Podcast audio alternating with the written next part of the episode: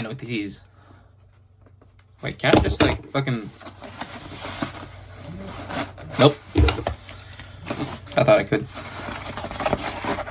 But I am not him. Oh, fuck. Oh, no, we good. Just dull scissors. Oh, wait, no, not that I. Ow, my hand.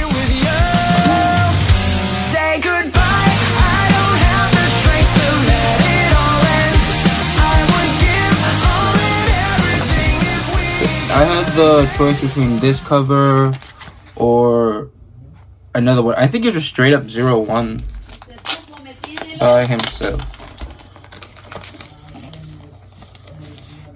Ooh. Okay. Uh, let me check that back.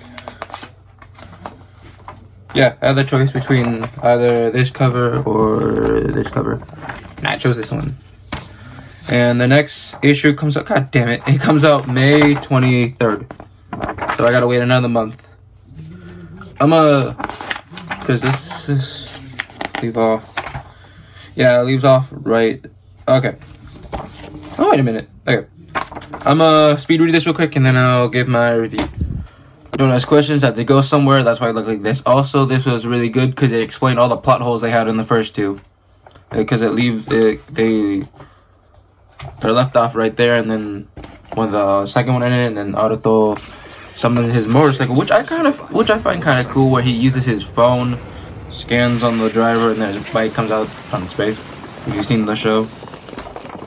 And then fucking they pull a Fast and Furious kind of shit, where like they drive out a building and then jump off their bike off the roof, which is fucking cool. And then like I don't want to spill too much, but then stuff happens that they end up having to go to Mount Mount Mount Fuji, Mount Fuji. That's what it's called, right? Mount Fuji. Uh, yeah, Mount Fuji. And then they find a secret lab. And then it explains how Ragnarok came to be. Where it was like for like I think five to ten seconds there was a system glitch with uh Zaia or whatever their satellite's called. And that's what they think Ragnarok came from, and then it's later told that like, no, I just hate Kamen Riders.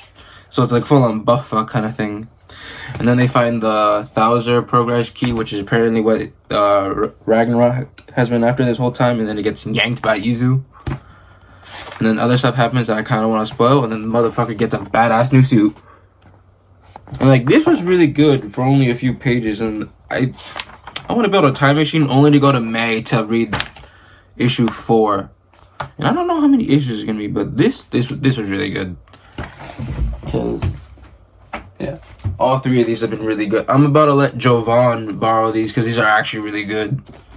And he's been debating on buying them, but I have all three.